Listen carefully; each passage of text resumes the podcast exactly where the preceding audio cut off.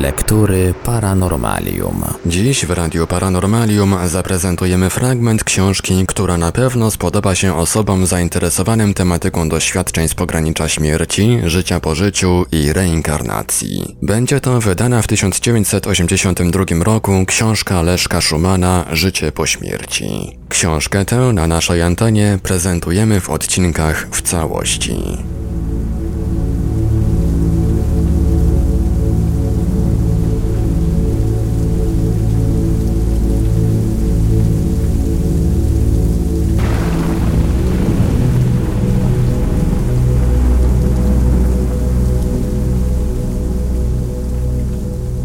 Jak już kiedyś powiedziałem, pewien delikatny sceptycyzm na seansach jest wskazany. Jeżeli chodzi o zestaw członków seansu, należy dobierać ludzi o wysokim poziomie etycznym. Istoty z innego świata nie zawsze są ciekawe i interesujące. Lecz to samo obserwujemy i tu, w naszym życiu doczesnym. Uczciwe postacie spotyka się niezwykle rzadko. W okresie międzywojennym ukazało się szereg książek pod wspólnym tytułem Karty z zamkniętej księgi bytu. Były w nich przemówienia wygłaszane za pośrednictwem dawniejszego medium doktora Ochorowicza, pani Domańskiej. Wydawnictwo to polscy spirytyści potraktowali wręcz jak jakieś objawienie. Czytano je z nabożeństwem i czcią, lecz każdy, kto wyznaje się na tego rodzaju przemówieniach, łatwo mógł się zorientować, iż było to zwykłe, beznadziejne ględzenie o wszystkim i o niczym. W ten sposób z reguły wywnętrzniają się różne gaduły i osobnicy pozujący na proroków oraz tak zwane media ojcowskie. Sam uczestniczyłem wielokrotnie w takich medialnych występach. Nie można tu winić medium, które po zapadnięciu w trans zmienia głos, wyraz twarzy i sposób bycia, normalnie mu obce. Znany angielski parapsycholog, laureat Nagrody Nobla, profesor Oliver Lodge, urodzony w roku 1851, był jednym z najbardziej znanych eksperymentatorów w zakresie zjawisk spirytystycznych. Oświadcza on w jednej ze swych prac, iż nie ulega najmniejszej wątpliwości, że istnieje jeszcze inny świat poza tym, na którym obecnie żyjemy. Jak już wspomniałem, zjawiska przy udziale dobrego medium mogą być bardzo różne. Bywa, że ciężkie stoły coś unosi pod sufit, że przesuwają się ciężkie szafy o kilka metrów od osób obecnych na seansie, coś brzdąka na instrumentach muzycznych, na wiszącej na ścianie gitarze lub zamkniętym pianinie. Bardzo ciekawe i rzadko spotykane zjawiska obserwowano na seansach z Frankiem Kluskim, odbywających się w mieszkaniu pułkownika żandarmerii Norberta Okołowicza. Tylko skrupulatności pułkownika Okołowicza zawdzięczamy, iż zachowały się z nich informacje. Na każdym z zebrań spisywano bowiem dokładny raport. Czytanie całej pracy Okołowicza, mającej prawie 600 stron, jest nieco nudne, jako że zjawiska powtarzają się. Niemniej dowiadujemy się z niej, iż nie każdy seans musi się udać. Zależy to zarówno od stanu psychicznego medium, jak i obecnych na nim uczestników. Ze spisu gości dowiadujemy się, iż bywali tam przedstawiciele różnych profesji: dyplomaci, dziennikarze, politycy, uczeni i lekarze. Na seansach z Frankiem Kluskim bywał nieraz i sam marszałek Piłsudski. Naukowe podejście, pozbawione zwykłej ciekawości, mieli także i inni sławni badacze zjawisk tego typu, jak dr Quaid, profesor Sorbony Richet i dr Joly, doktor nauk medycznych Sherenk Notzing oraz liczni przedstawiciele Stowarzyszenia Nauk Psychicznych w Londynie.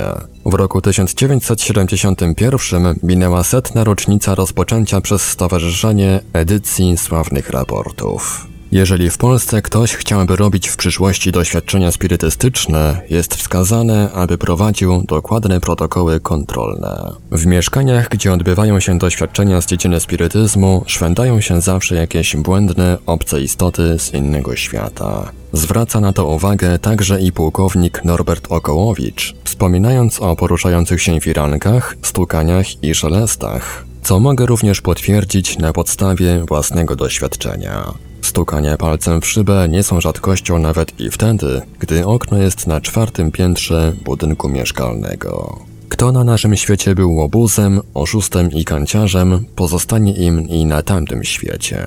Kto tu był głupi, ten i tam pozostanie niespełna rozumu. Najbardziej chętna do kontaktów z naszym światem jest różnego rodzaju hołota, często podszywająca się pod osoby znane i wybitne. Badacze tych zagadnień wspominają także o mediach ojcowskich. Polega to na tym, że na seans zgłaszają się typy udające Chrystusa oraz różnych świętych i pouczającym głosem udają mentorów, grożą piekłem, nawołują do pobożności i skruchy za grzechy. Medium niejednokrotnie mówi przez sen ordynarne wyrazy.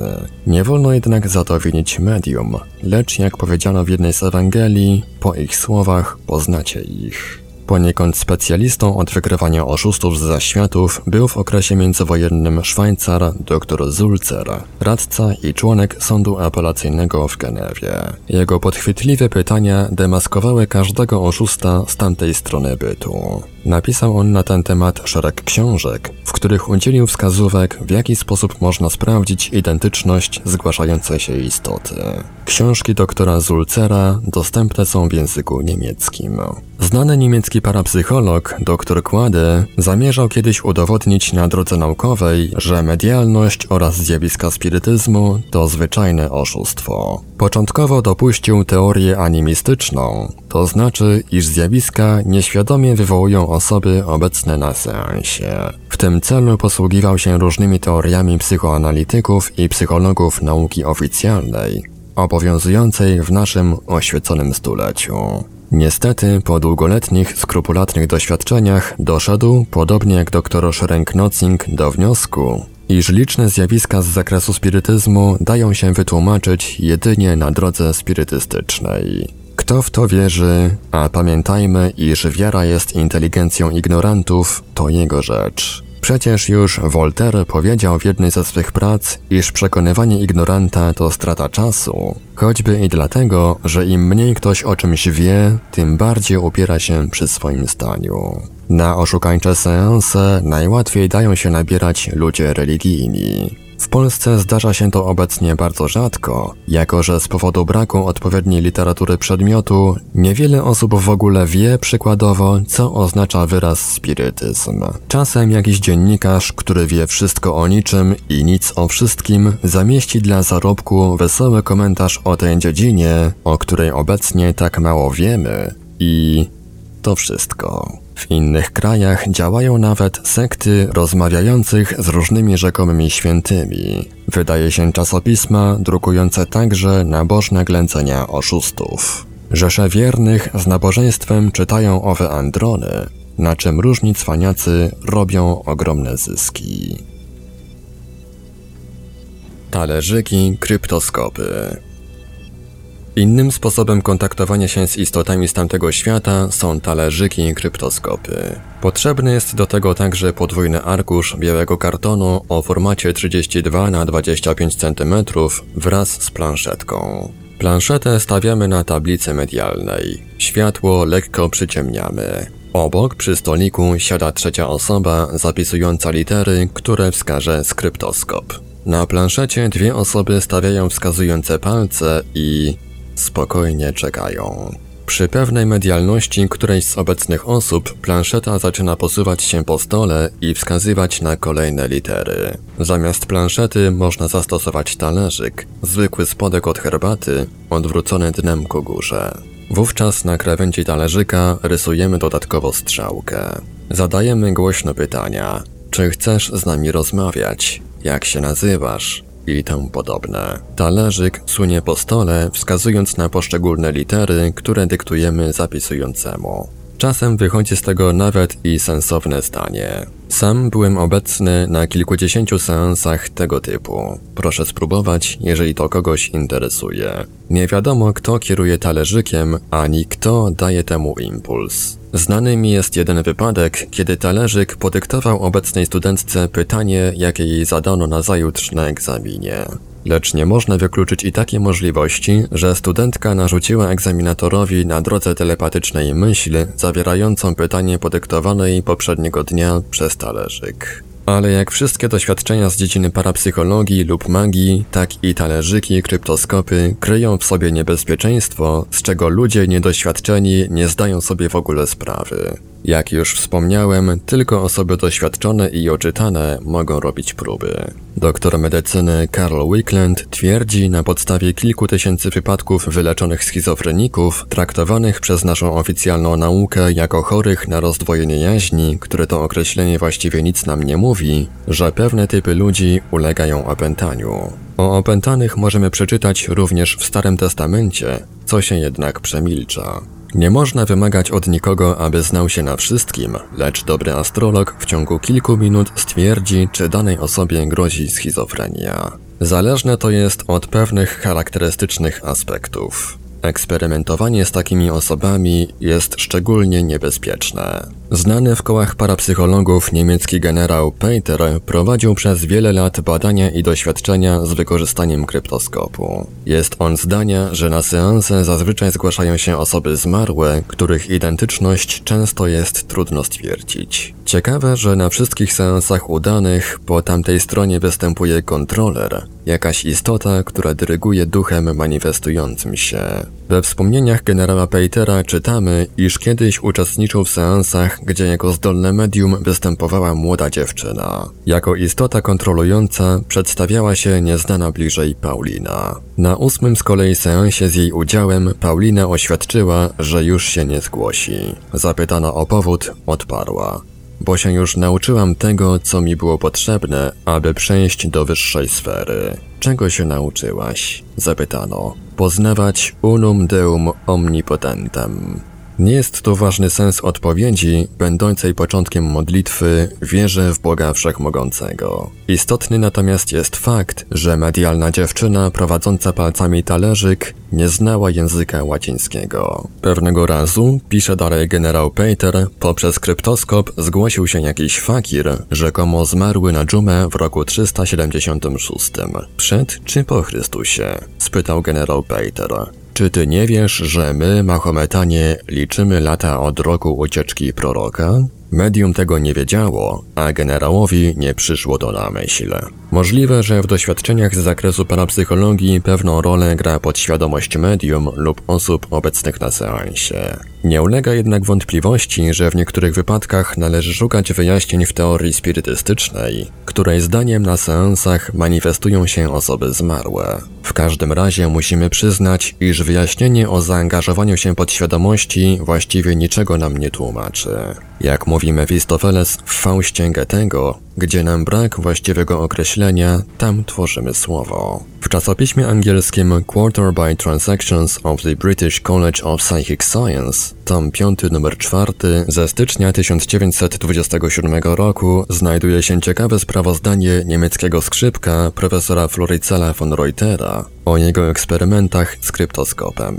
Profesor zapoznał się z kryptoskopem w domu znajomego aptekarza w Magdeburgu. Z początku nie wychodziło z tego nic. Razem z matką wodzili talerzykiem po stole. Matka uchodziła za osobę medialną. Po kilku bezowocnych seansach zgromadziło się po tamtej stronie mnóstwo chętnych, którzy zaczęli przemawiać poprzez talerzyk w dziewięciu językach. Początkowo informacje otrzymywane tą drogą zapisywano na ślepo, a później dawano je do przetłumaczenia. Wypowiedzi były dowcipne i inteligentne. Wygłaszano aforyzmy, epigramy i różne mądrości życiowe. Pierwszy komunikat nadała istota kontrolna w błyskawicznym tempie. Był to podobno jakiś grecki święty, żyjący na naszym świecie około 470 roku naszej ery. Tekst był nawet dla tłumacza niezrozumiały. Dopiero po dłuższych dociekaniach wyjaśniło się, iż był nadawany wstecz. Takie lustrzane pismo stosowane jest nieraz w zaklęciach magicznych pochodzących z wieków średnich. Mam siedem obowiązków, oświadczył rzekomy święty. Strzegę, oszczędzam, obserwuję, ostrzegam, czuwam, pilnuję, sprawdzam. Nie można powiedzieć, aby po 1400 latach te obowiązki miały jeszcze jakiś sens. Oprócz świętego zgłosili się dwaj francuscy muzycy. Jeden z nich nadawał swój tekst częściowo po francusku, a częściowo po włosku. Inne istoty nadawały swe komunikaty w językach łacińskim, rosyjskim, węgierskim, a nawet islandzkim. Nie sposób tu wymienić wszystkich chętnych z tamtego świata szukających kontaktu. Ważnym szczegółem jest jednak fakt, że matka wspomnianego profesora Reutera wodziła kryptoskopem sama, bez niczyjej pomocy i dla kontroli miała zawiązane oczy. Do grona najsławniejszych mediów talerzykowych w okresie międzywojennym należała Angielka pani Trevor Smith, córka znanego profesora literatury Daudana. Eksperymentował z nią znany angielski fizyk, profesor William F. Barrett. Doszedł do wniosku, iż nie ma tu mowy o jakiejś podświadomości, o roztwojeniu jaźni i innych określeniach mających niejasną interpretację. Na seanse przybywają, twierdzi profesor z całą stanowczością, istoty z tamtego świata. Tego samego zdania jest angielski pisarz Bradley, bliski współpracownik profesora Barretta. Wspomniani badacze na seanse zapraszali specjalistów z różnych dyscyplin oficjalnej nauki. Na ich fachowe pytania, dla obecnych niezrozumiałe, natychmiast otrzymywano odpowiedź właściwą, nawet jeśli chodziło o trudne zagadnienia naukowe. Mimo otrzymywania pozytywnych wyników w przeprowadzonych doświadczeniach, pani Trevor Smith jest zdania, że ona nie ma kwalifikacji medialnych, bo się w jej życiu nic szczególnego nie zdarzyło, a prawdziwie uzdolnione medium nie może uniknąć kontaktów z zaświatem, chociażby i tego chciało. Istoty z tamtej strony życia narzucają się same. Dlaczego tak jest? Na to pytanie odpowiedź znajdziemy w znanej książce doktora Karla Wicklanda 30 lat wśród zmarłych. Pisze on tam m.in. Osoby medialne posiadają świetlistą aurę, widoczną dla istot z tamtego świata. Zdarza się często, że i osoby żywe dostrzegają aurę. Osoby takie widzą czyjeś choroby, nastrój psychiczny i inne cechy. Znana z tej umiejętności jest mieszkanka Szczecina, pani Barbara Leńczuk. Testowanie jej przez lekarzy dało wręcz rewelacyjne wyniki. Oczywiście wspaniałe cechy pani Basi są znacznie mocniej doceniane za granicą, w myśl przysłowia, że nikt nie może zostać prorokiem we własnym kraju. Pewne, nawet minimalne kwalifikacje medialne ma większość mieszkańców Ziemi. Są one jednakże utajone, poniekąd w stanie uśpienia. Mogą się rozwijać, jeżeli ktoś tymi zagadnieniami będzie się interesował, zacznie o nich myśleć i studiować literaturę przedmiotu. Zdaniem wielu parapsychologów, co najmniej 50% ludzi ma w swym życiu jakieś przeżycia z dziedziny parapsychologii. Milczą jednak, bojąc się ośmieszenia ze strony ignorantów. W podobnej sytuacji są liczni uczeni. Milczą więc, gdyż zawistna konkurencja czeka tylko na taką kompromitację, jak uznanie faktów, które faktycznie nie mają prawa istnieć. Lecz powróćmy do wspomnień pani Trevor Smith. Pewnego wieczoru siedziała ona wraz z przyjaciółką nad kryptoskopem. Przez dwie godziny cierpliwie czekały na kontakt bez skutku. Gdy przyjaciółka zabierała się już do wyjścia, pani Trevor Smith poczuła nagle chęć powtórzenia eksperymentu. Było to w Londynie w roku 1912. Statek tonie. Wszystko stracone. William State za burtą. Kobiety i dzieci płaczą. Lament ogólny. Nie miałyśmy pojęcia, co to miało znaczyć, powiedziała później pani Smith ale rankiem usłyszałam nawoływania gazeciarzy na ulicy. Wybiegłam na ulicę, aby kupić dodatek nadzwyczajny. Było to zawiadomienie o katastrofie statku Titanic, na którego pokładzie znajdował się sławny angielski uczony William State. Sceptyk powie, iż był to przebłysk jasnowidzenia, lecz w rzeczywistości będzie to wyjaśnienie kłopotliwe, nie tłumaczące niczego. Tak czy owak, był to wspaniały dowód czegoś, czego nie rozumiemy, czego nie znamy i z czego ignoranci się śmieją, wystawiając sobie świadectwo ubóstwa umysłowego. Angielski miesięcznik Proceedings w tomie 30 z roku 1920 wspomina o następującym wypadku. Pani Trevor Smith i pani Lennox Robinson, także osoba o kwalifikacjach medialnych, zasiadły pewnego wieczora do stolika. Zawiązano im oczy. Zapis prowadził dziennikarz Sable Hicks. Uczestnicy seansu wiedzieli już o tym, że zatopiono statek pasażerski Lusitania 7 maja 1917 roku, lecz szczegółów jeszcze nie znano. Zadano więc pytanie, ile osób zatonęło w wyniku zatopienia Lusitanii? Odpowiedź 470. Módl się za Hugh Lane. Kto mówi? Hugh Lane. Obecni nie wiedzieli, że na statku znajdował się ich znajomy Hugh Lane. Nastąpił dłuższy komunikat z prośbą o zawiadomienie znajomych artysty. Podane adresy były zgodne ze stanem faktycznym. Tytułem próby nadano alfabetowi inne położenie. Media nie wiedziały o tym. Miały zawiązane oczy. To mi nie przeszkadza. Podyktowano w odpowiedzi. Któregoś dnia, wspomina pani Barrett, zgłosiła się jakaś obca kobieta, mieszkająca za życia doczesnego na przedmieściach Londynu. Oświadczyła, że zmarła przed dwoma dniami, bardzo cierpiała, umierając. Kilku z obecnych udało się nazajutrz pod wskazany przez kobietę adres. Okazało się, że podane przez kryptoskop informacje były zgodne z rzeczywistością.